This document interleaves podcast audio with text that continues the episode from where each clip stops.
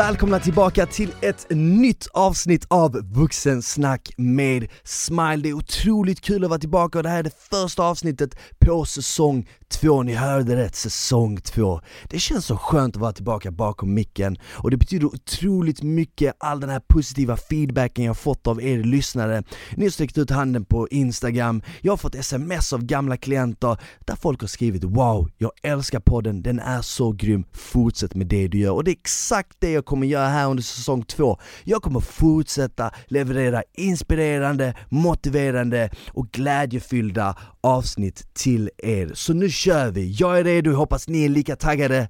Säsong 2, Vuxensnack med Smile. Den här podden gör jag i samarbete med vuxen.se där ni kan hitta en massa roliga sexleksaker till dig, till din partner, till din vän eller någon du vill bara skänka lite glädje till. Idag i studion har jag Nathalie Jonan som är holistisk hälsocoach och driver dessutom Healthfulness-podden. Uttalade det rätt? Jättebra. Var det bra? Var det godkänt? Lite mer yo. Lite mer yo bakom det hela, men jag försökte i alla fall. Är det bra med dig? Det är jättebra, hur mår du? Det är bara bra. På tal om eh, efternamnet, vad har du för ursprung? Just efternamnet är ju min mans efternamn, Okej. eh, så han är från Argentina och Frankrike.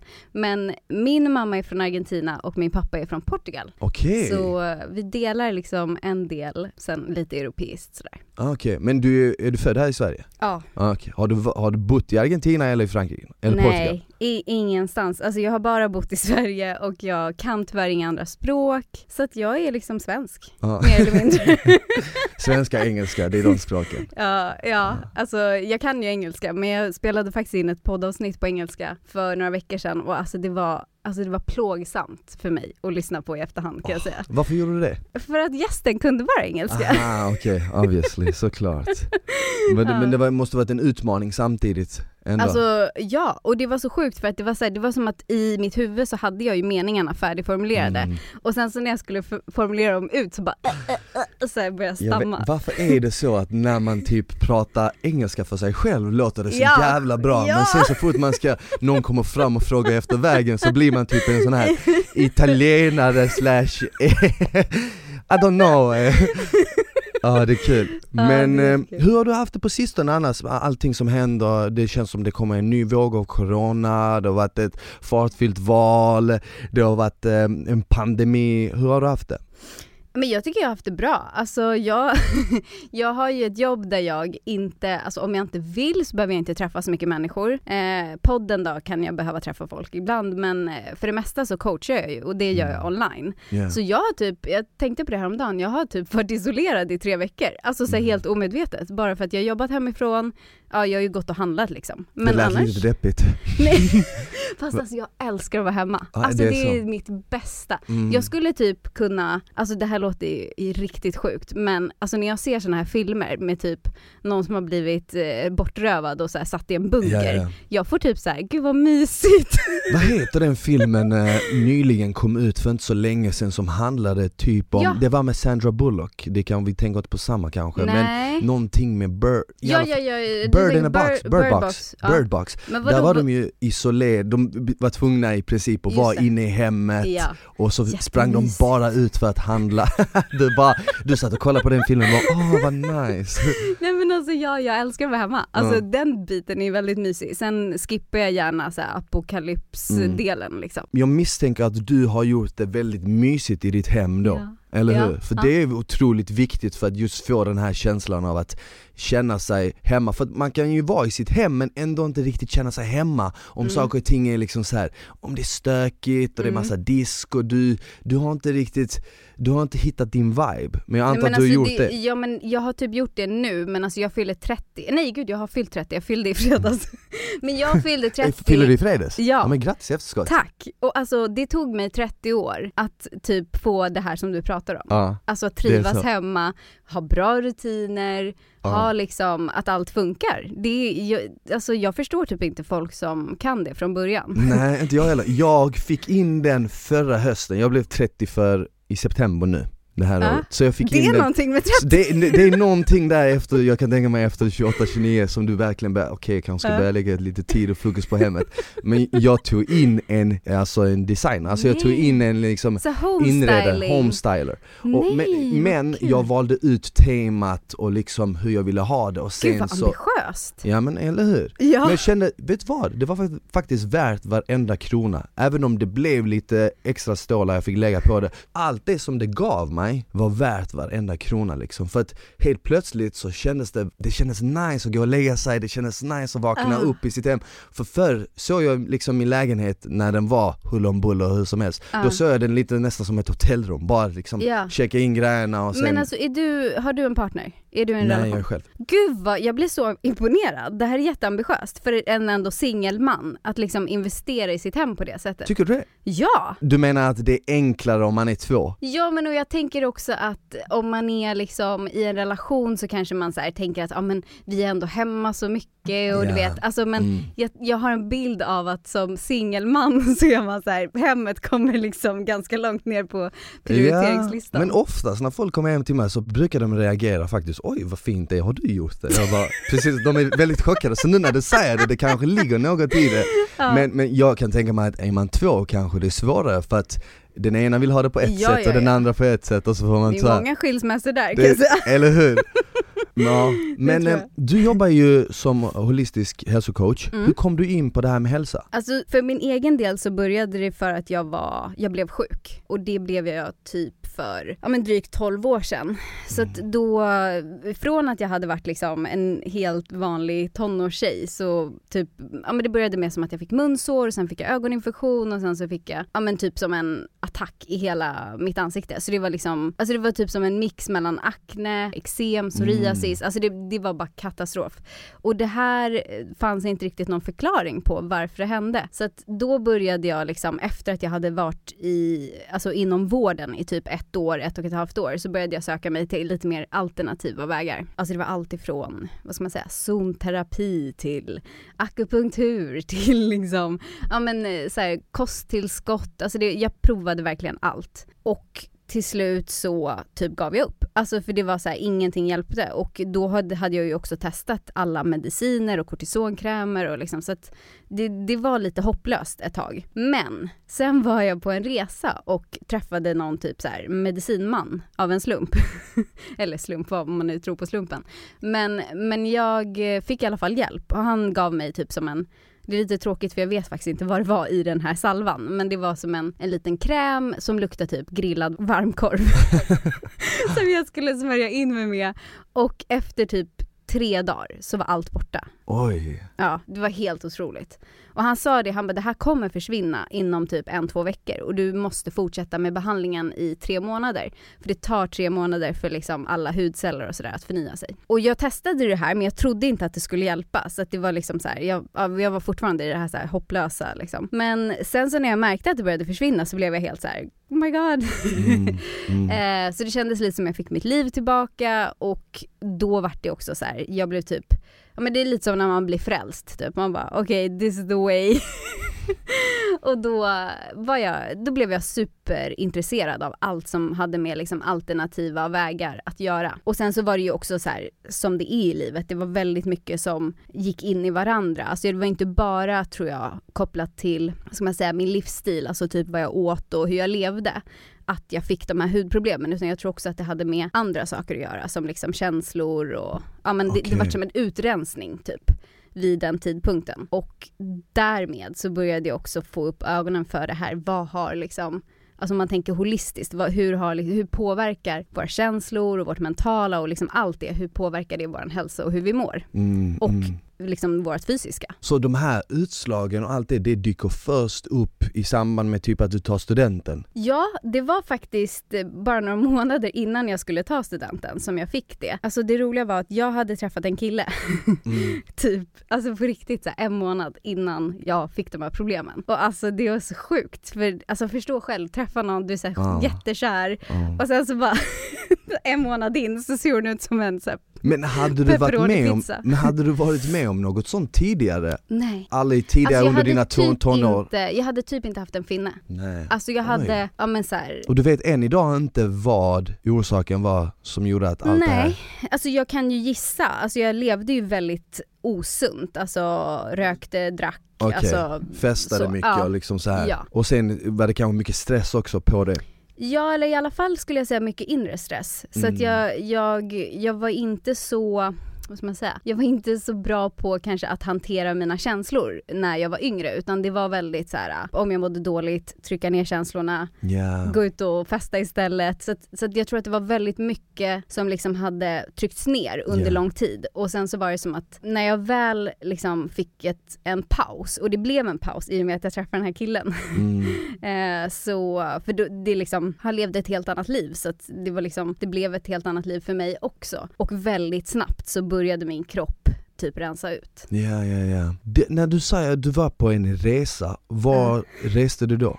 M- min killes eh, familj bodde vid den här tidpunkten, eller hans släkt bodde i Libanon. Okej. Så vi var där på ett bröllop. Och jag var ju alltså, ja men som sagt fortfarande helt så här infekterad med mina hudsjukdomar. Så att det var ju inte så jättekul heller att vara på det här bröllopet. Nej, nej. Jag var typ såhär, kan jag, kan jag hitta en klänning som döljer så mycket som möjligt av mig?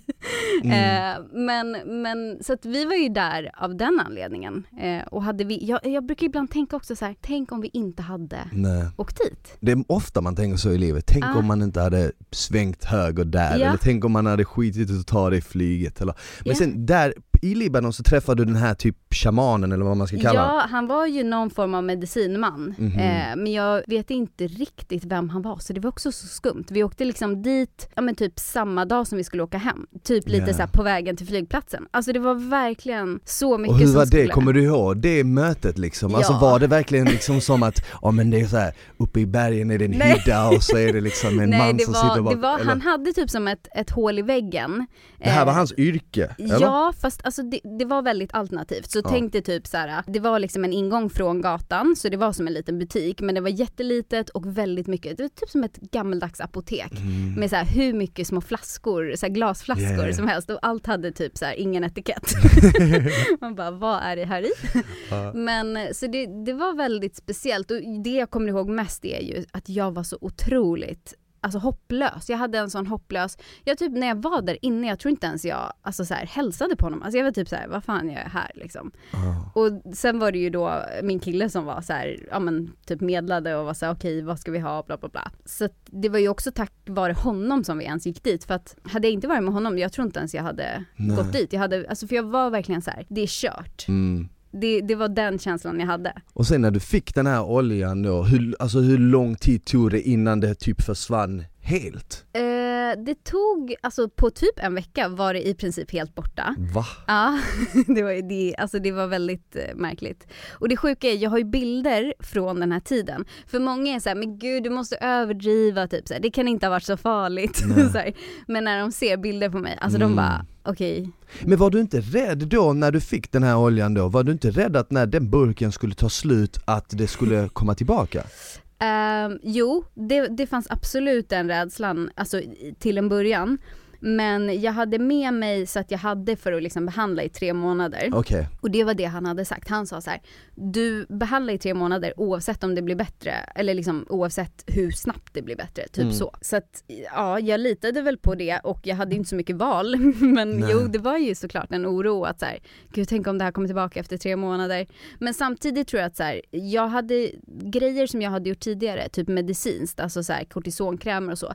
Det hade också förbättrat på bara några dagar, men sen hade det liksom kommit tillbaka och varit värre än någonsin. mm. Så jag tror att för mig var det också logiskt så här, okej om något kommer tillbaka, då var det inte det lösningen. Nej okej, okej, Eh, okej. Så att, ja. Men ur liksom den här erfarenheten och allt det här som du var med om då, så fick du upp intresset för att hjälpa andra Mm. med, eh, kan man kanske säga, mer liksom det innerliga, Ja. spirituella och hur, hur ser det ut i dagsläget och hur ser det ut när du hjälper någon? Alltså det ser väldigt olika ut men just nu så ser jag det som att dels så har jag min coaching liksom.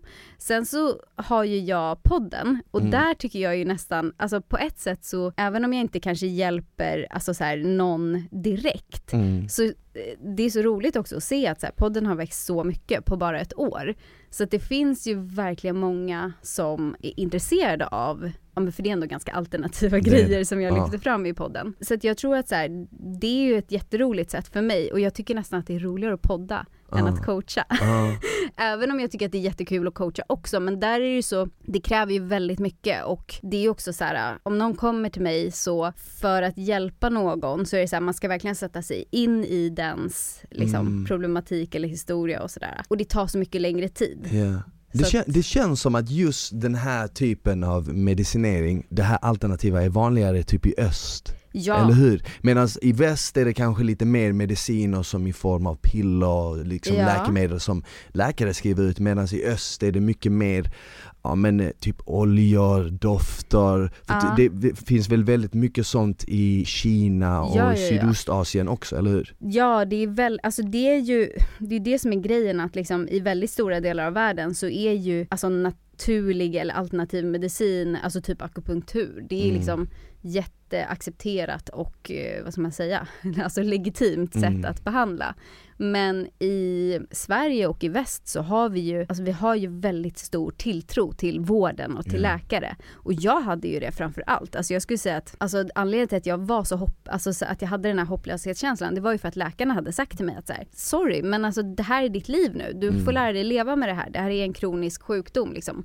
Eh, trots att de egentligen inte visste vad det var, Ja, ja. så var det så här, det, det var deras liksom, vad ska man säga, dom. ja, ja, ja. Eh, och jag, jag, det som jag tycker är så roligt, alltså på de här 12 åren sen jag fick mina problem och liksom till idag när jag ändå jobbar med det här, så alltså det är en enorm skillnad i hur mottagliga människor är Mm. för det alternativa eller det komplementära om man ska säga så. Att det är liksom ändå ett komplement till vården. För det är klart att det är bra att vården som den ser ut finns. Alltså Mm. med mediciner och allt vad det innebär. Varför tror du att folk har blivit mycket mer mottagliga för det jämfört med förr? Eh, jättebra fråga. Jag tror att, alltså dels tror jag att det beror på att man, jättemånga människor faktiskt har problem som är så pass diffusa att inte ett, eh, vad ska man säga, piller eller Nej. en kräm eller en, att det hjälper inte. Och det är ju för att vi lever komplexa liv, alltså det är stress och det är, alltså allt möjligt. Men sen så tror jag också att det är så himla många som mår dåligt. Alltså det är så här, till slut så måste man ju börja leta Ja. nya sätt. Precis, och man testar sig fram och jag har aldrig varit, mm, alltså jag har aldrig varit sjuk på det sättet att jag har behövt medicineras mot något men jag minns på tal om just det här med alternativa lösningar, jag minns när jag var yngre så hade jag mardrömmar hela tiden Ja. och eh, jag är ju född i Bosnien, så jag Ja. kom till Sverige när jag var liten när det bröt ut ett krig där. Så jag är uppvuxen på Rosengård och jag bodde på en del av Rosengård som heter Ramelsväg Ja. eh, herrgården. Och i vår byggnad så bodde det en eh, äldre dam också från Bosnien, i några, en trapp bredvid. Och hon höll på med svart magi. Aha! Och jag hade så här eh, mardrömmar Ja. hela tiden, varje natt. Alltså jag kunde vakna upp och jag skrek och jag kunde inte sova. Så till slut så tog min morsa mig till henne och så sa hon liksom, ja men vi ska få slut på de här mardrömmarna. Och det här är så sjukt för att jag minns att jag kommer in till den här gamla damen Hur då. gammal var du? Jag kan ha varit sex. Ja. Och hon bor liksom så här i en liten lägenhet, det är så här mitten på 90-talet, i hjärtat av Rosengård, det är så här väldigt, ingenting i lägenheten, typ lite tavlor som hon kan ha tagit med från eh, Bosnien då, för att hon Ja. var ju också därifrån. Och så sätter hon mig på en sån här gammal, gammal trädstol i hennes kök och kokar upp eh, vatten Ja. och sen så häller hon ut det här vattnet och så lägger hon, det här är sjukt, hon lägger en kastrull på mitt huvud Alltså utan vatten? Utan vatten såklart, utan vatten. Hon lägger en kastrull på mitt huvud och så säger hon något. Och jag minns inte vad hon sa, jag har ingen aning. Jag tror inte ens min morsa fattade vad hon sa. Men hon sa liksom någon, någon så här formel, nå- någonting Gud liksom. spännande. Ja, ja, ja. Och sen efter hon har sagt det så tar hon av den här kastrullen och så lägger hon den på eh, spisen igen, häller i vatten och slänger in aluminium. I vattnet. Och sen, om inte mitt minne har liksom bara hittat upp en Ja. story för mig nu, men så tar hon ut ur vattnet de här aluminiumet har bildats till figurer Va? och hon- tar upp de här figurerna ur vattnet och så säger hon ja, men du kommer aldrig mer ha några mardrömmar igen efter det. Och efter det så hade jag aldrig mardrömmar. Wow. Det är det som är det sjuka. Så jag vet inte om det hjälpte eller om det bara Men- är en placebo Men och man tänker så här, här. okej det här är en lösning, nu är det lugnt, nu är det fixat. Ja, men grejen är så här, jag tänker att det spelar ingen roll om det är placebo, för att uppenbarligen, om det är det, så betyder det att du som litet barn hade så, så pass stark hjärna, Ja. att bara att vara med om det här räckte för att du skulle tänka så här, ah, nu, nu har jag blivit botad eller liksom. Definitivt. Alltså om folk säger så här, ja men det är bara en placebo, då säger jag skitbra, då köper jag det. För jag är ju så här, jag tror gärna att vi underskattar hur, eh, alltså kraften i vår, Ja, vår hjärna, eller Ja. kraften i tanken rättare sagt. Jag är ju väldigt så här, jag är öppen för att sådana här saker kan faktiskt vara sant. Mm. Och eh, inte för mycket liksom magi, men ändå lite. Och om det i kombination med tankekraft eller med placebo kan göra att du läker eller att mardrömmar försvinner eller liksom att du kommer på eh, rätt bana igen, då Ja. köper jag ju det. För att någonting som jag ofta brukar göra det är ju typ visualisera. Alltså när du säger visualisera, i form av att så här, typ visualisera ett mål som du vill Visualisera uppnå ett eller så. mål eller typ eh, hur, någ- hur jag vill att något ska utspela sig. Mm. Eller mm. om, om det är något jag vill ha i mitt liv så visualiserar jag det. Mm. Och det gör jag gärna precis innan jag somnar. Mm. Gör jag gärna det. Mm. Och sen om, om det här stämmer eller inte, det vet jag ju inte. Men jag säger inte varför det skulle skada dig. Nej, verkligen. Och jag tänker också så här, för jag brukar säga, eller så här, jag har alltid fått höra sen jag var liten så här, du får alltid som du vill. Och alltså sen när någon säger det till mig, jag blir så glad för då Mm. tänker jag alltid så här, ja, jag håller med. Ja, ja. för jag vet också att så här, om jag tror på det så betyder det också att det jag matar min hjärna med är att så här, om jag bara vill något så kommer jag få det. Exakt. Att liksom, det, allting handlar ju om programmering och oavsett om vi gör det medvetet eller omedvetet så blir vi hela tiden programmerade. Ja. Så att folk som sitter och tänker negativa tankar eller som liksom har, vad ska man säga, negativa loopar. Ett typ. negativt mönster typ. Ja, det, alltså så här, det sker ju mer eller mindre omedvetet Mm. och det kommer påverka dem lika mycket som det kan påverka dig att sitta och ha en positiv visualisering. Definitivt. Och det märker man ju bara liksom om man är inomhus kanske för mycket utan att röra på sig så Ja. kan man ibland kanske komma in på ett negativt mönster utan att man ens har pratat med någon som har sagt något negativt. Det kan bara vara att kroppen känner att den behöver röra på sig mer och då Ja. räcker typ bara en promenad ute Ja. på 30 minuter så är du helt klar i huvudet helt plötsligt. Men jag tror precis som du säger, det här med programmering och det är därför jag till exempel har börjat skriva journal typ Ja. innan jag däckar, jag Ja. visualiserar och hur jag först kom in på just det du sa, det där med programmering, det var ungefär två år sedan, två, tre år sedan när jag började läsa regelbundet.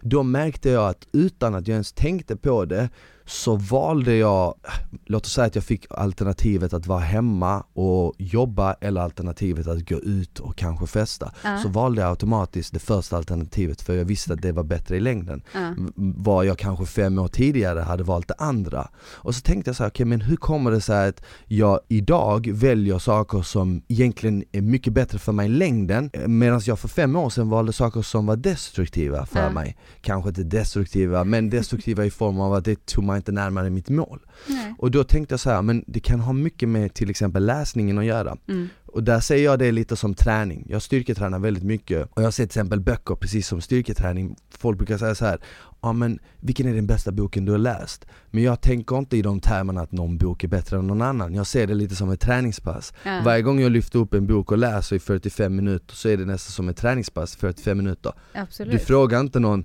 vilket var ditt bästa träningspass det senaste året? Du säger så här, ja men det bästa jag har gjort det är att jag har tränat 4-5 gånger i veckan det senaste Ja. året. Det är det som jag tror att eh, väldigt många som, alltså nu är jag verkligen ingen så här, träningsperson men jag tror att många, och det kommer jag ihåg för att när jag jobbade på gym så en av mina största så här, vad ska man säga, insikter som jag fick var att de som är vältränade, alltså jag har ju aldrig, vad ska man säga, haft någon koll på egentligen vad som krävs för att vara vältränad eller inte. Men när jag väl började jobba på ett gym så förstod jag så här, de som är vältränade, de är här varje dag. Mm. Alltså det, det hade jag aldrig kunnat föreställa mig innan jag började faktiskt jobba där. För att då tänkte jag så här, men två, tre gånger i veckan, då blir man Mm. säkert jättebra form liksom. För att jag som, som liksom otränad person hade Mm. ingen relation till vad det är som faktiskt krävs, vilken dedikation det är som Mm. krävs för att vara i form. Men sen så märkte jag ju också att, alltså i och med att så här, när man står i en reception och ser ja. folk checka in, de som var där Du såg ett mönster typ? och alltså jag kan säga så här, de som var i alltså, riktigt bra form, de var ju där typ två gånger om dagen. Jävlar. Ehm, och, Men det kan, också, det kan också bli för mycket. oh ja, Det kan också bli för mycket. Det är Ja. en balans. det är det absolut. Och jag tror också att här, träning, alltså precis som allt, det går ju att använda som en flykt och på ett destruktivt sätt Ja. också. Så De det, brukar ju säga det om löpare, antingen löper du ifrån något eller mot något. ja. Men, och jag tror jättemycket på att så här, allting i lagom mängd tror jag är väldigt bra om man vill må bra. Sen så är ju inte det allas mål. Alltså många har ju ett mål med sin träning som är att så här, men jag vill ha en vältränad kropp Mm. eller jag vill kunna göra det här triathlonet eller alltså att vi har ju alla olika mål Absolut. och ju, alltså så här, om jag utgår från mig själv så tror jag att när jag var yngre så höll jag väldigt mycket på med så här, ja men jag ska banta och jag ska bli smal Mm. och jag ska vara vältränad och så här.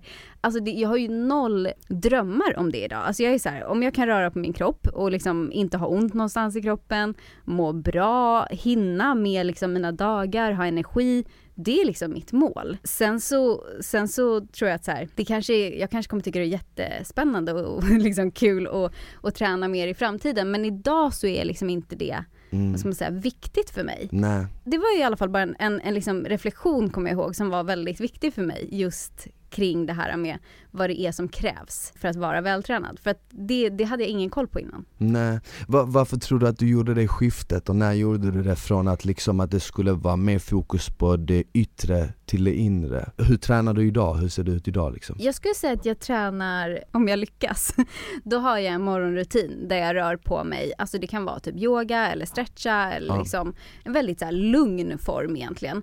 Om jag liksom orkar eller hinner, då kanske jag kör en, antingen trän, en, ett pass på gymmet, så här, jag gillar gruppträning för att då Mm. slipper jag tänka själv. så cirkelträning. Eh, eller så, ja, alltså, i och med att jag tycker om att vara hemma så tycker jag att det är mysigt och så här, jag kan sätta på typ en YouTube eh, så här, träning där det är Mm. typ så här functional training. Du ska ju 15 kolla in på minuter. mina 15 minuters pass. Nej är det sant? Jag har ett program som heter Fit på 15. Gud vad kul, det ska jag göra. 15 minuters pass och då kan man välja att träna med mig eller så kan man kolla på en demovideo och då gör jag passet, eh, då, då ser man en snabbspolning på typ 40 sekunder alla Ah. övningar. Och det är 15 minuter, jag kallar det fit på 15. Ja, ja. För det är så här, man kan göra det utan eh, några redskap, Ja, alltså endast kroppsvikt Ja, och så har man bara en yogamatta, eller så kan man göra den andra versionen som är med hantlar, ja. lite lättare hantlar och det är liksom Men då måste man upp. antingen äga hantlar eller gå till ett gym som har hantlar. Exakt, Ja, vill man köra hemma då liksom beställer man bara ett par hantlar liksom Eh, Men, eh, ja jag förstår, så du, du föredrar liksom att köra hemma då? Ja men och grejen är, det här är ju så här, om, om jag tittar på innan corona började, var jag på gymmet kanske, säg tre till fyra gånger i veckan och Mm. körde ett så här 30 minuters pass. De har jättesköna, jag tränar på ett gym där de har så här lunchpass 30 minuter. Ja, Och då är det typ ingen uppvärmning och så kör man 30 minuter, ingen stretch, ingenting Mm. så här. Och det passade mig jättebra och det var liksom så här, jag hade inga mål med min träning. Det var inte så att jag var så här, åh gud jag måste komma i form eller, utan det var verkligen så här. du vill bara må underhåll. bra liksom och må bra och känna, känna typ glädjen av träningen Ja, precis. Exakt. Och också, jag tror att mycket har blivit så här. jag vet ju att det är bra att röra på kroppen.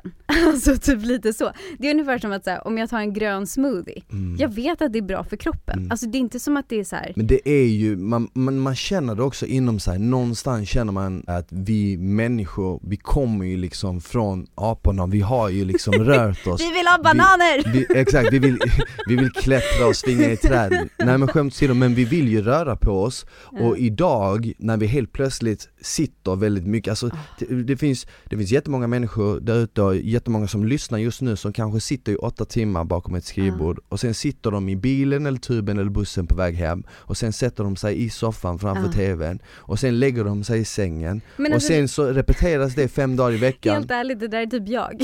Ja, Alltså jag, men vet du också vad jag har kommit underfund med? Att så här, förut tror jag att jag hela tiden hade en så här bild av att typ jag skulle träna så här och så här mycket och jag var hela tiden missnöjd över mig själv. Att jag inte rörde Mm. på mig så mycket som jag borde.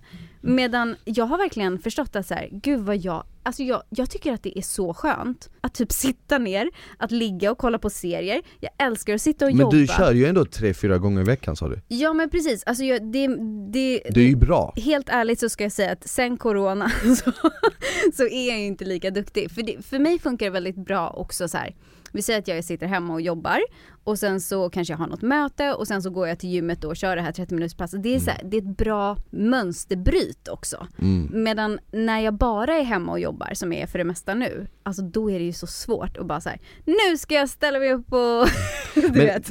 någonting som jag brukar pusha väldigt mycket för många som kontaktar mig och som vill börja träna För jag tar emot klienter, precis som du kör online så kör jag online coaching fast mer fokus på styrketräning Just det. För jag har ju, jag bör- började ju styrketräna under gymnasietiden Mm. och så har jag gjort det nu i typ ett 13 års tid Ja. och sen fem år tillbaka har jag haft klienter runt om i hela landet Så jag kör väldigt mycket på det här med styrketräning just Mm. För det är den världen jag kommer ifrån Och jag brukar alltid säga det till folk för att många har en tendens att när de aldrig har tränat och vill göra en förändring så vill de börja köra 6-7 pass i veckan Mm. För de tror att okej det är det jag måste göra för nu ska jag göra en stor förändring liksom Och det är sån klassisk misstag som man ser många göra efter nyår Ja. eller hur? Det är så här, ja mitt nyårslöfte, jag ska äta nyttigt sju dagar i veckan, jag ska träna sju dagar i veckan och sen två veckor senare så kraschar de. Mm. Så jag brukar alltid säga till folk, även hur pigga och energiska de än låter, brukar jag alltid säga så här, men vet du vad?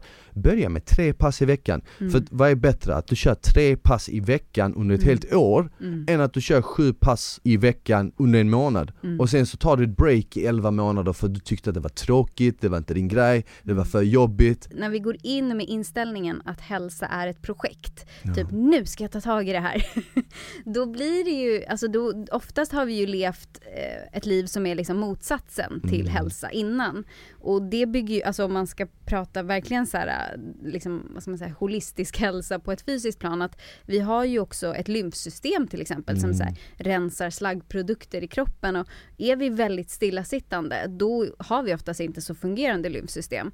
Så att då behöver man verkligen komma igång successivt, inte så här nu kör jag sex pass den här veckan för då ligger du alltså med största sannolikhet i typ en influensa eller förkylning veckan efter. Mm. För att kroppen klarar det inte, det Nej. blir liksom för tung belastning. Nu när jag styrketränar så kör jag ju fem, ibland till och med sex pass i veckan Men det är också någonting som jag har byggt upp genom liksom så här tio års tid Exakt. Jag som älskar att styrketräna, jag gillar ju just det här med att lyfta vikter och Ja. hela den känslan och bara hur det låter och Ja. allting, du vet metall och allt sånt Du är ju en sån här kille som jag är rädd för när jag går in på gymmet.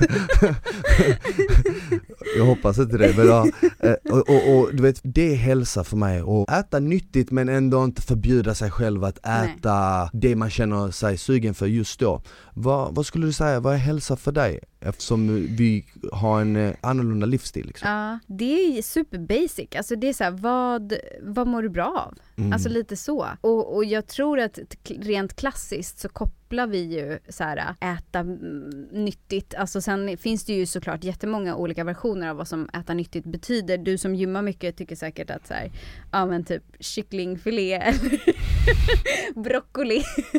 ja men det, det, jag kommer ihåg när jag jobbade på gym, det var väldigt så här, alla tallrikar såg likadana ut. Det var liksom protein, grönsaker, Eh, eh, väldigt lite fett kommer jag ihåg. mm. Eh, Men det kan ju ha förändrats, det var ganska många år sedan det här. Men, eh, nej men så jag tror så här, vi tänker ju på hälsa som att det här klassiska liksom, äta nyttigt, träna mycket. Många människor tror jag kommer må bra av att röra mer på sig och äta hälsosammare. Men sen finns det ju så otroligt många fler aspekter. Alltså jag tror stress och återhämtning, alltså det tror jag är typ så här, borde ligga topp ett på allas prio-lista, alltså när det gäller hälsa idag. För att det är våran största egentligen utmaning om man bor i en storstad i alla fall. Ja. Det är liksom, även om man inte bor i en storstad, alltså jag tror bara så att leva ett liv med en mobiltelefon idag Gud, är liksom en jättestor påfrestning. Och inte bara så här, är det jobbigt eller så här, hur känns det att hela tiden vara uppkopplad, utan också så här, hur är det för våra ögon att hela tiden titta in i det här blåa Hur ljuset? påverkar det liksom- sömnen och så vidare? Precis, så att jag tror stress och återhämtning tror jag är jätte, jätteviktigt. Mm. Sen så tror jag det här emotionella, alltså kanske lite mer åt det andliga hållet. Ja. Liksom hur mår vi egentligen? Hur hanterar vi relationer och liksom allt Mm. sånt. Det tror jag är lite bortglömt. Mm. Samtidigt som det är mycket mer kanske prat om idag. Ja. Jag får en feeling av att du vänder ju dig väldigt mycket inåt. Ja. Och jag, jag gillar det för att ofta nu när man tänker hälsa, när många människor tänker hälsa och jag, jag, ska inte, jag kanske också är en bidragande faktor till det här men många förknippar hälsa med det yttre. Så om du liksom ser ut på ett visst sätt så är du Mm. antingen hälsosam eller ohälsosam. Ja. Medan man kan vara, man behöver inte ha liksom sixpack för att vara hälsosam. Det kan vara så att den personen som kanske har det är mer ohälsosam än den som inte har det på grund Absolut. av att den stoppar bara i sig, som du sa, grönsaker och protein. Mm. Jag minns till exempel när jag först började gymma, jag kollade liksom i de här fitnesstidningarna, jag såg de här killarna som var väldigt vältränade och sånt utan att förstå att det här kanske är ljuset, det kanske är photoshop, Ja. de kanske bara ser ut så här en Ja, ja. dag om året. ja, alla vet- som tävlar i fitness exakt. vet ju. Exakt, de, de kanske har hållit på med det här i 10 års tid och här kommer jag liksom så här 19 bast och vill se ut så. Och på ett sätt motiverade mig, men på ett annat sätt så fick det mig också komma in på en lite så här destruktivt mönster med kosten för jag började bara sålla bort alla kolhydrater, allt fett, det var Mm. bara liksom protein och eh, grönsaker, Mm. om, om, om inte det var kyckling så var det tonfisk, om Ja. inte det så var det kvarg, om, du vet så här. Och visst, jag tappade allt fett och jag liksom kom i bra form men jag mådde inte så jättebra inombords. Mm. Och så kom det en dag när jag helt plötsligt suktade efter hur mycket kolhydrater som helst Mm. och bara vräkte i mig allt och Mm. höll på att komma in i ett dåligt mönster, en, en dålig relation med mat. Mm. Och det var där jag insåg, så jag fick lära mig genom mina egna misstag, det var där jag insåg, okej, det, det handlar inte om att gå extremt åt något håll vet. Nej. Utan du vill ha den här balansen och sen vad balans betyder för dig, det är upp till var och en att hitta den på något sätt. Precis, sen så tror jag också så här, alltså om man ska tänka ännu mer holistiskt, vilket så här, och jag tror att så här, det är svårt för oss för att vi, vi har en bild av att det är så här, tjejer har ätstörningar men inte killar. Mm. Eh, och hade du då varit tjej och beskrivit det här, då kanske vi automatiskt hade tänkt, men gud det låter som att du håller på att få en ätstörning Mm. liksom. Men det höll jag ju på att få. Ja, och det är det jag menar att så här, egentligen så tycker jag att så det du gjorde rent, vad ska man säga, bete, på ett beteendeplan, det behöver inte nödvändigtvis vara så att det var något fel på det. Men jag skulle ju bli mer intresserad av att titta på så här, vad ligger bakom? Alltså Mm. varför var det så viktigt för dig att se ut på det sättet? Mm. Och varför liksom, ja varför blev det så viktigt helt enkelt? Och, och oftast så, så har vi ju, vi har ju någonting annat som vi längtar efter. Det är ju inte som att det vi egentligen längtar efter är ett sexpack, utan det är så här, vad kommer det där sexpacket leda till? Mm, jag Eller vad förstår vad det du menar. Precis, precis som eh, någon eh, kanske sätter upp ett mål att köpa en eh, sportbil till exempel. Ja. Varför vill du köpa den när du kan köpa en annan bil som egentligen kan ta dig från A till B på samma sätt? Ja. Varför vill du just ha den? Och sen kan man ju prata om, om någon annan kanske uppskattar eh, motorer och Mm. bara känslan av liksom att det är så mycket fart bakom en sån bil. Exakt, och det Eh, behöver inte vara något fel i det. Det behöver inte vara något fel i det, någon kanske älskar signalerna det skickar ut. Ja. Förstår du? Och jag tror det är så för många att man har en bild i sitt huvud av hur man vill se ut, hur man själv ser sig själv. Och den bilden ibland matchar kanske inte med verkligheten. Nej. Och jag tror att om du har en bild i ditt huvud av hur du är, hur du vill vara och den och verkligheten är väldigt långt ifrån varandra, Mm. det skapar stress, tror jag. Oh, ja. Men jag tror att ju närmre den bilden du har i huvudet är med verkligheten, desto större ro finner du dig i. Ja men precis, och det, då pratar man ju om, jag tror att det kallas för kongruens, att liksom det som, precis som du säger, det, verkligheten stämmer överens med vår inre bild Mm. eller föreställning. Men sen kan man ju också tänka så här, om vi tar exemplet med tjejer som eh, fixar sina an- ansikten med botox och fillers och fixar brösten och det jag menar är så här, vad är det man vill att det ska leda till? Eller vad Mm. är det man tror att man kommer att känna Yeah. när man väl har fått det man vill fixa. Mm, mm.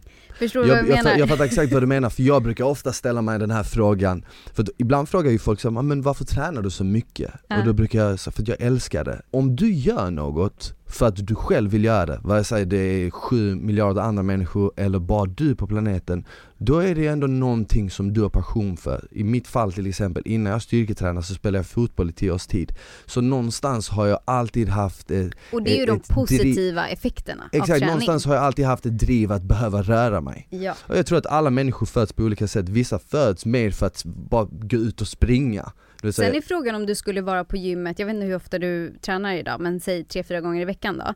Skulle du fortsätta vara på gymmet tre, fyra gånger i veckan om du visste att det skulle resultera i att din kropp, alltså vi säger att du skulle väga 30 kilo mer och inte ha en enda definierad muskel. ja, du menar om jag hade gått och tränat även om det inte påverkade mitt yttre på något Ja. sätt? Det är en bra fråga, jag tror det.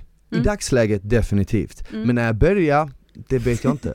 Men i dagsläget definitivt för att Och kanske hade du valt en annan typ av träning, typ fotboll eller något annat som du liksom har tyckt har varit kul. Ja precis, precis. Jag spelade ju fotboll i tio års tid men sen efter tio år så kände jag bara att jag jag tappade lite intresset för det. Och det kan också varit för att jag blev pressad till det i väldigt ung ålder du vet, från att liksom vara 5 till 15 och som Nya 10 Zlatan. Ja men typ som tioåring och bli pressad och få höra av tränaren du får inte äta det här och det här och det här Det var inte så kul att höra som tioåring och jag tror Nej. att hade jag inte blivit så pressad till det i så tidig ålder så kanske jag hade fortsatt med det senare Ja. men till slut så välde den koppen över och då var det så här, ja jag tycker inte det här är kul längre. Nej. För precis som du sa, hälsa, när hälsa blir ett projekt. Mm. När fotbollen blev ett projekt och Ja. inte någonting som var kul, då gick jag över till styrketräning för då blev styrketräning något som var kul. Men idag, idag så älskar jag alla de här känslorna jag får av träningen. Ja. Att jag- Endorfinerna. endorfinerna, att jag håller mig frisk, känner mig stark i ryggen, får inga ryggproblem och, Mm. och ja, men du vet bara liksom så här att lyfta upp matkassar känns så nice för att nu känner man sig så mycket starkare. Så i dagsläget ja, men när jag började, om det inte hade påverkat det yttre, kanske inte. Jag tror att alla människor någonstans vill se bra ut, de flesta. Speciellt i en Ja. yngre ålder. Sen tror jag att det successivt med tiden avtar.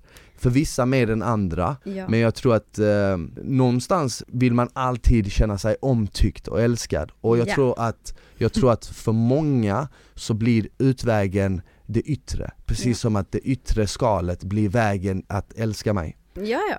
Och det, alltså precis det du säger nu är ju det som allting landar i. För att det är så här, utseende som du säger, alla vill vara snygga till någon grad.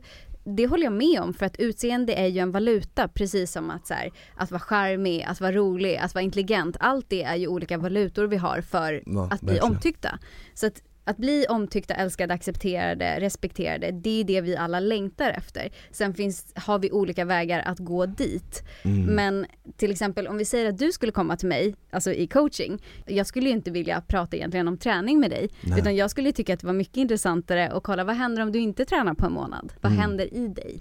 Mm. Förstår du? För jag menar, för dig så är ju träningen, det är en del av din livsstil. Exakt. Det finns ju inga problem där. Nej, precis. Och det är det jag försöker få folk att uppnå. Att det är en del av deras livsstil. Ja. Sen behöver inte de liksom köra 5-6 pass i veckan, de kan köra två eller tre. Men Precis. det, det som din livsstil kräver, eller det som du är nöjd med rättare sagt. Exakt.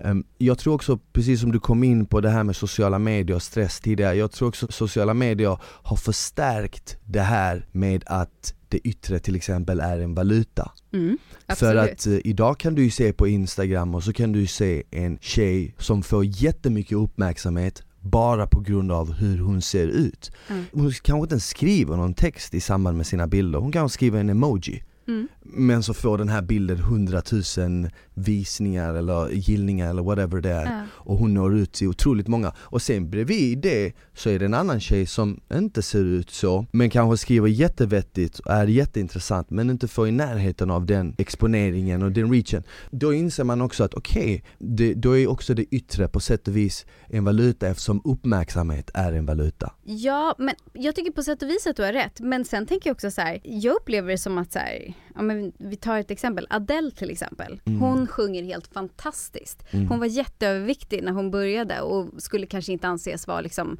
en typiskt snygg tjej. Men hon slog igenom och blev typ världens största liksom, sångerska. Så att jag tror också att så här, vi, vi uppskattar, alltså män, mänskligheten uppskattar liksom excellence i Definitivt. olika former. Definitivt. Eh, och, och det är självklart att du kan ju vara kanske en jättebegåvad författare säger vi, som, precis som du nämnde och så får du ingen uppmärksamhet Mm. just för att så här, ja men du inte ser bra ut eller vad det nu kan vara. Men jag tror ändå i slutändan att så här, vi har olika parametrar som vi förhåller oss till. Mänskligheten, vi har liksom våra, vad ska man säga, våra sätt.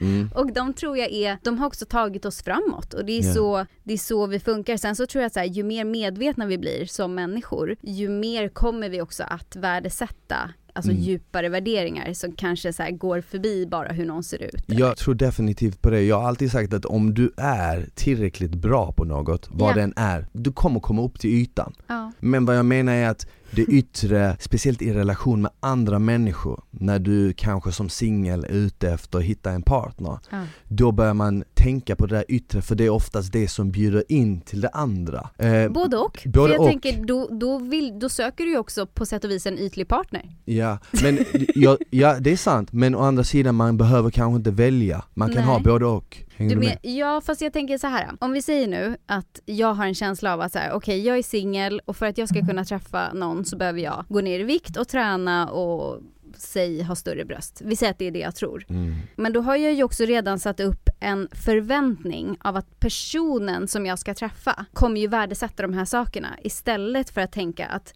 jag letar ju efter någon som ska värdesätta det som redan är positivt och bra med mig. Mm. Inte att jag ska Jag- vara jag- smalare, snyggare. Jag fattar vad du menar. Du kan ju ha alla de egenskaperna och samtidigt vara snygg eller appealing till den andra. Jag tror att vi är typ programmerade och attraheras av ett visst utseende. Och jag tror att det kommer från... jag, Jag bara, får jag utmana dig bara här? Absolut. Tror, tror du att alla människor kan bli snygga? Alltså kolla, för det första, man måste, då måste man bryta ner, vad är snygghet? Ja. För vad är, vad är ja men jag menar, tror Liksom- du alla människor kan bli snygga enligt de ideal som råder? Nej. Nej. Det tror jag inte, inte alla för det är väldigt många människor på den här planeten Men alla människor behöver inte vara snygga Det För håller jag med om. Det finns, för det finns grejen i den här, det finns ju någon, även hur klyschigt det än låter så finns det någon Det som är den för rätta för, alla. dig Exakt, och det är så, alltså det är bara en, jag tror att det är en universell lag. Ja. alla människor behöver inte vara snygga men jag tror samtidigt att någonstans är vi programmerade. Jag menar de, de, har, de har visat experiment där de har visat upp bilder till små bebisar Där de visar bilder på människor. Ja. och när de ser ett ansikte som är mer symmetriskt ja. så föredrar de det. Så någonstans så har vi det ändå i oss liksom men jag tror att vi kommer ifrån det. Men vi, vi är ju programmerade till att alltså, uppskatta skönhet. Och det tänker jag också så här, skönhet om vi ska tänka liksom i de termerna, det finns ju ute i naturen, alltså titta på blommor, titta på, alltså det är så här, jag tror inte att det är något fel i Nej, eh, det är därför alla stannar upp när de ser en soluppgång eller solnedgång och Ja. vill ta upp telefonen och filma den. För Ja. att det är någonting inom oss som väcker de här känslorna av att det här är något nice. Eller när, när september, oktober kommer och löven börjar Ja. bli orangea Då är man så här: wow. Ja, Så någonstans inom oss så har vi ju det här vad vi dras till skönhet Ja. Men jag håller med dig om att jag tycker att Instagram och sociala medier drar det till det extrema ja, men jag tror någonstans också att vi behöver gå väldigt extremt för Ja. att det ska bli motsatt. För ja. att vi ska komma tillbaka till att Hej shit, okej det här har spårat ur, vi har blivit väldigt så här, väldigt väldigt fokuserade bara på det yttre Ska vi inte testa det här andra, det Ja. här inre? Ska vi inte börja kolla inåt istället för att hela tiden försöka förbättra det yttre? Precis som du säger, alltså det, vi, vi har den här förprogrammeringen att uppskatta skönhet och jag tror inte att det är något negativt i det. Jag tror bara att det vi behöver förstå är att det är ju just i att uppskatta som det sitter. Det är så här, jag Mm. behöver, jag personligen, jag själv behöver inte vara skitsnygg eller toppmodell jag kan bara njuta av att det finns andra människor som är det. Mm, mm. och, och också förstå att det finns kvaliteter i mig Yeah. som är lika värdefulla som jag då, om jag är programmerad till att skönhet är liksom det, vad ska man säga, det bästa eller det högsta liksom att uppnå.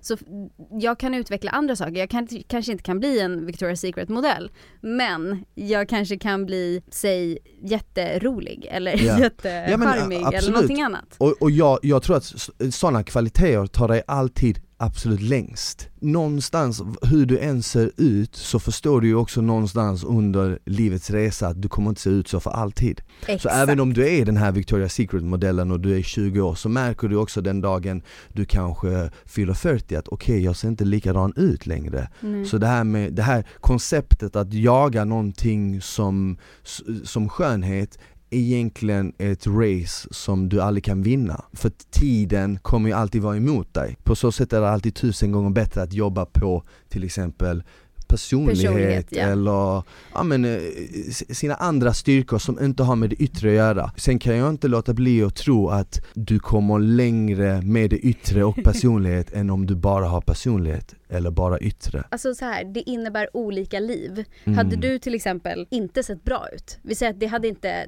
du hade liksom inte kunnat se bra ut. Mm. Det, det liksom gick inte, Mm. eftersom vi nu verkar vara överens om att alla inte kan det.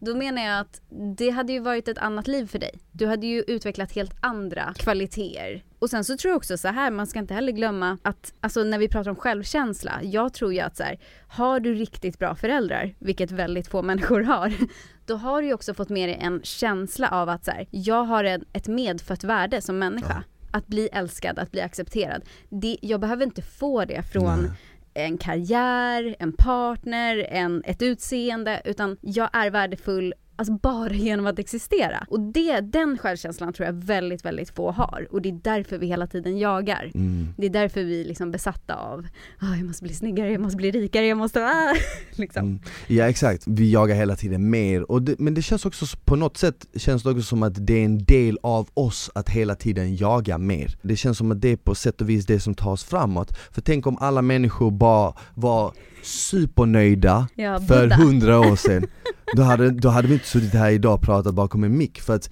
allting var frid och fröjd. Så det är någonstans, stämmer. någonstans har jag ändå den hetsen att hela tiden vilja ha mer, se bättre ut, vara starkare, du vet såhär, jag åka tror, fortare. Det finns ju en balans där. För jag Mm. menar om, om, som du har pratat om mycket det här med Instagram och liksom det här väldigt ytliga. Mm. Det tror jag snarare kanske river ner vårt psyke mer än vad det bygger upp. Så det finns ju såklart positiva drivkrafter i att som du säger att liksom någonstans det som driver dig och mig måste ju vara någon form av osäkerhet eller liksom att vi hela tiden vill hävda oss Ja. på något sätt. Och det är klart, hade vi varit helt nöjda med oss själva och bara kunna sitta hemma och meditera och bara alltså behöver inte prestera Mm. någonting. Då, då hade ju vi också åstadkommit mycket mindre. ja. Men sen är frågan, vad är allt det här åstadkommandet bra för? Mm. Egentligen? Jag Alltså, med. Jag har en teori om att osäkerhet är grunden för allt. För jag har alltid känt typ att när du vill något eller vill ha något mer, varför vill du det? Ja, Ja. men för att du kanske inte känner dig tillräckligt förrän du har det. Men varför känner du dig inte tillräcklig? Ja, men, och, så leder det, och så leder det tillbaka oftast kanske till barndomen eller Ja. något sånt. Det känns ju också som att samhället har typ förändrats på så sätt att det har gjort att vi hela tiden måste ha mer. För att förr, som du sa, förr kunde man kanske bara koppla av och chilla under ett träd och bara filosofera hela dagarna och Ja, vara men nöjd typ- med hur det var. Ja men när du och jag var små tycker jag att det Mm. var liksom, jag vet inte hur din barndom var men jag låg och kollade på typ Disney-filmer, alltså det fanns ingenting som hade med internet eller någonting att göra. Nej. Alltså om någon så spontant kom och plinga på dörren, alltså det var ju höjdpunkten i ens Mm. liv. Man bara wow, besök! liksom. Verkligen. Ja, jag minns liksom sommar när man var yngre och växte upp Då gick man ut nio på morgonen och så kom man hem åtta, nio på kvällen Ja. så fick man en utskällning för att man hade varit ute så länge och inte ätit typ på hela dagen. Eller så om jag lekte på gården så sprang jag upp när morsan kallade från fönstret.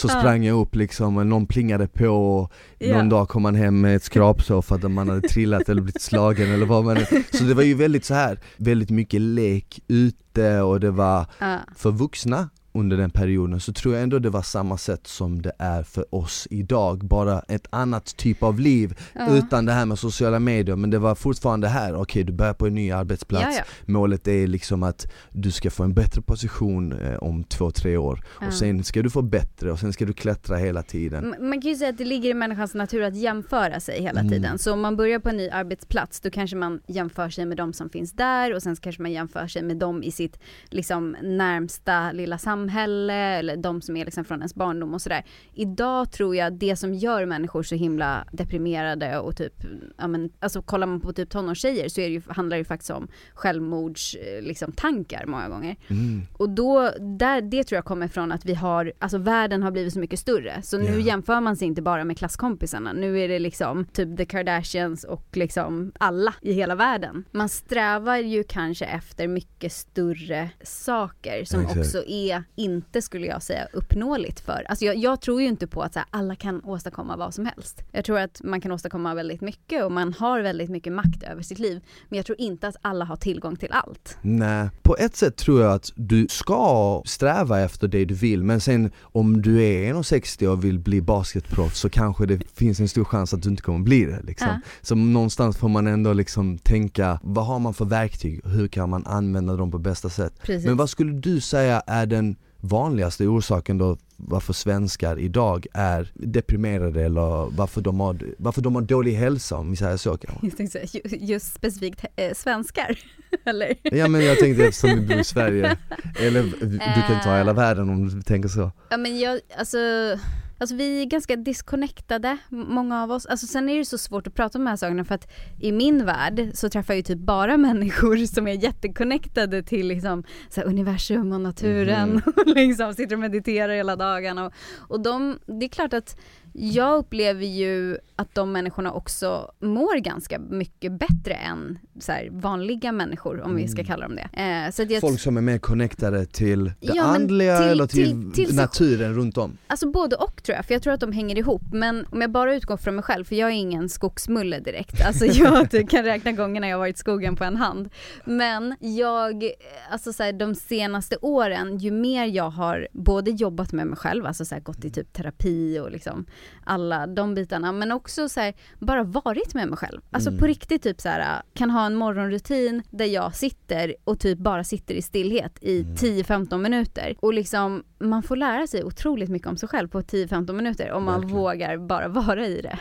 Verkligen. Eh, och det tror jag ger jättemycket och jag tror att vi väldigt få, alltså om jag får då kalla dem för vanliga människor, har 10-15 minuter för sig själva varje dag. Eller alla har men man prioriterar inte det. Nej, och jag, alltså så här, det beror på vad man menar när man säger att man har det, för jag håller med dig att det är klart att vi har det, vi har ju, 20 alla har ju 24 timmar att Mm. utnyttja.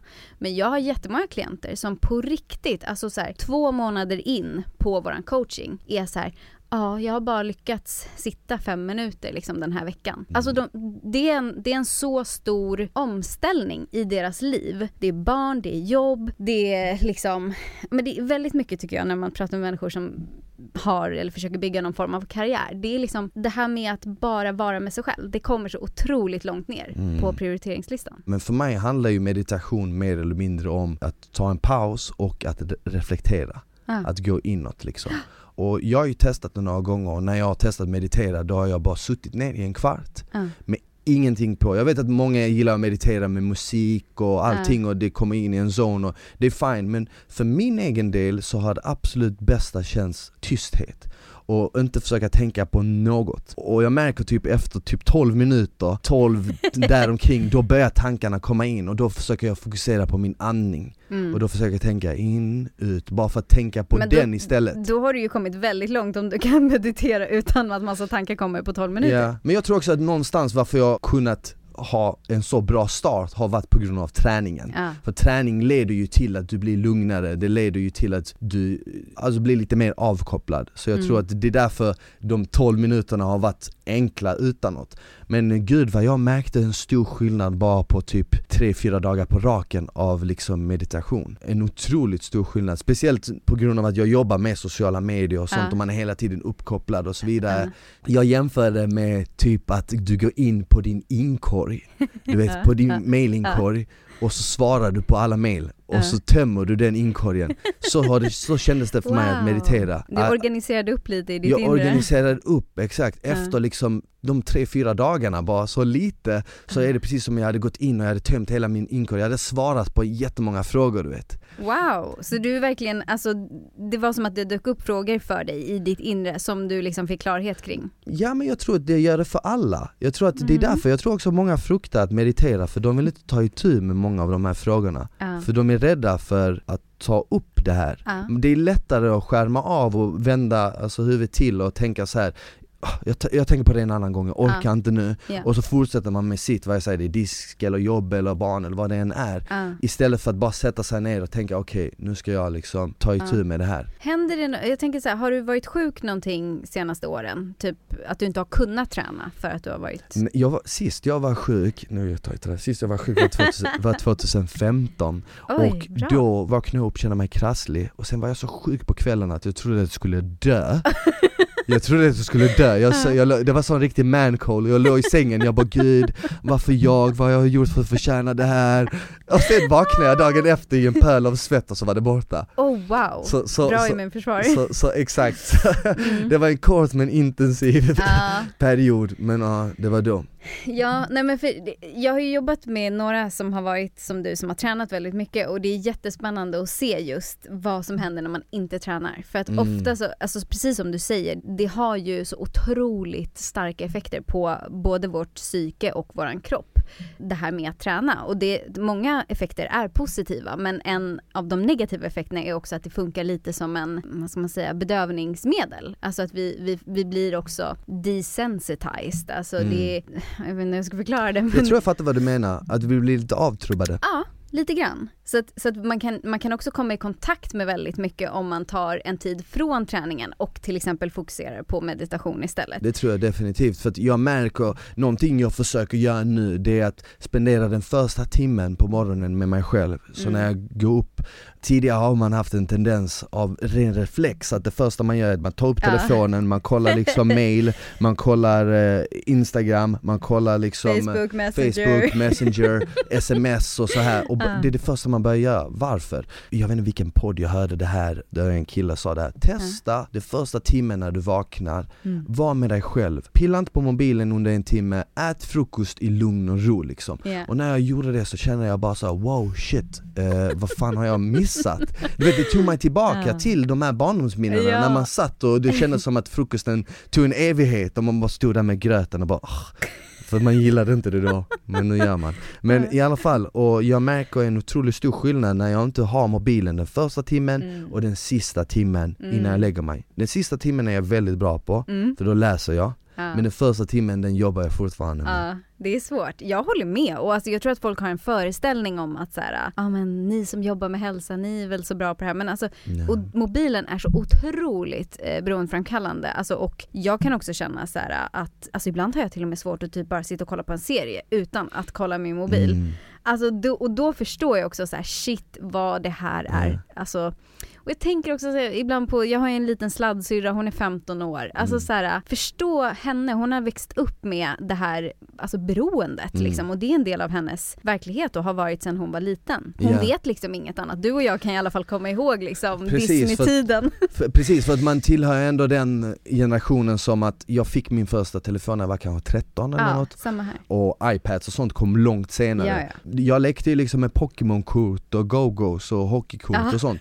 Så, så man har ju fått känna på båda världarna. Ja. Och jag tror också att då är det mycket lättare att ta ett steg tillbaka. Och sen du, precis som jag, jobbar ju också via sociala medier. Ja. Och Någonting som har hjälpt mig otroligt mycket, det är att jag har börjat se Instagram som ett verktyg att få Mm. ut mitt bu- budskap, att reacha folk. Mm. Istället för en plattform där jag vill synas. Just Jag vill ju synas, Ja. men jag vill att mitt företag, jag vill att min business ska synas. Mm. Jag själv, innan jag ens liksom kom in i hela den här vevan så hade jag varken Instagram eller något. Mm. Jag skaffade det typ 2014, 15 Mhm. för att någon sa till mig, du hörde nu liksom när du eh, ska liksom bli offentlig och allt det här För att Mm. jag hade varit med i Paradise Hotel 2014 Och när de sa det till mig, så ja ah, men shit du borde kanske skaffa Instagram nu för att Ja, liksom du kommer dyka upp på tvn och folk vill kanske följa dig och sånt ja, Då skaffade jag Instagram ja. så innan dess var jag fortfarande, jag har alltid varit lite halvt anti mot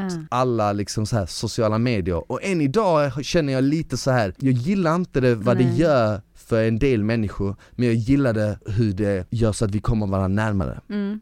Ja och alltså du som driver företag vet ju att det är ju, alltså hitta en bättre marknadsföringskanal, det går inte. Nej. Alltså det, det är ju på det Och- sättet ja, man jobbar det idag. är marknadsföringskanalen idag, Ja. förr fick man ju sprida ordet Ah. eller tidning eller liksom så här. Men man får inte heller glömma att så här, när du och jag fick, eh, nu var jag kanske lite tidigare än dig i alla fall på Facebook, men, men där, alltså så här, vi, våra hjärnor var ju mer eller mindre färdigutvecklade. Alltså Mm. de som är Alltså jag menar jag vet folk som har barn idag som är liksom 5-6 år som Mm. sitter på sin iPad flera timmar om Ja. dagen. Alltså deras hjärnor är inte, alltså vad ska man säga, anpassade för, Så det, alltså, jag, jag är otroligt intresserad av hur det kommer påverka mm, folk och jag tror någonstans att allting händer av en anledning mm, och jag tror att det här med teknologin, att de håller på med det så tidig ålder Jag tror att nu kanske det kommer vara dåligt, eller Mm. det känns som att det är dåligt Men jag tror i längden att det kanske är det som behövde hända. Mm, Precis som du sa tidigare, all, det känns som allting, man har större mål, man har större ambitioner och man vet mer idag. Jag tror att de nya kidsen som växer upp nu kanske kommer veta mer sen. Jag har ingen aning men Mm. någonstans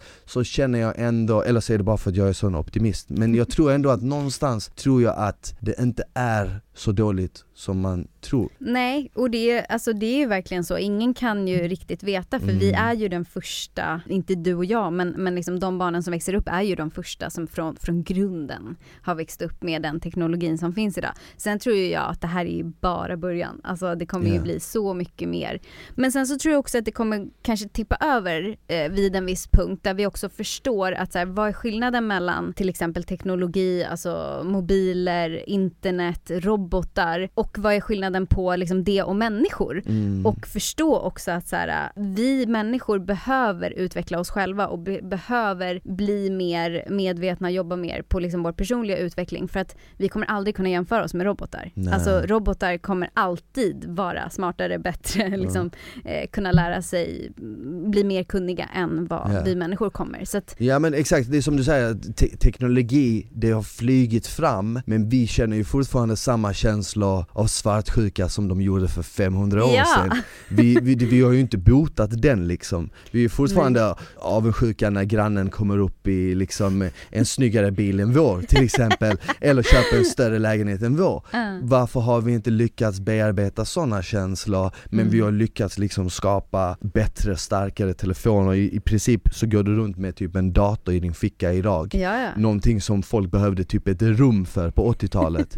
har du idag i din ficka Ja. Det är skrämmande hur snabbt det går, då tänker man så okej hur fan kommer det vara 2040? Mm. Det är inte så lång period, vi Nej. människor kommer förmodligen känna exakt samma känslor ja. med liksom Vi kommer inte osäkerhet, ändra så mycket, nej. nej. exakt, så det är nästan som att vi kanske behöver den här apparaten Pushen. för att Exakt, för att komma till nästa nivå Accelerera lite, jag tror det. ja.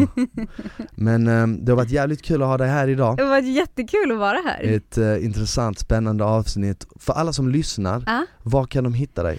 Eh, Instagram om man vill följa liksom mig, mig. Eh, Mm. Och då är det Nathalie Jonan och Jonan är med Y. Och vill man lyssna mer på min röst så kan man ju lyssna på podden. Och Mm. det är Healthfulness-podden och den finns överallt. Grymt, Där poddar finns. Mm. super Okej, tack för att du kom hit idag. Tack! Och tack till alla er som har lyssnat. Vi hörs i nästa avsnitt med Vuxensnack med Smile. Ta hand om er, ha det bäst, ciao!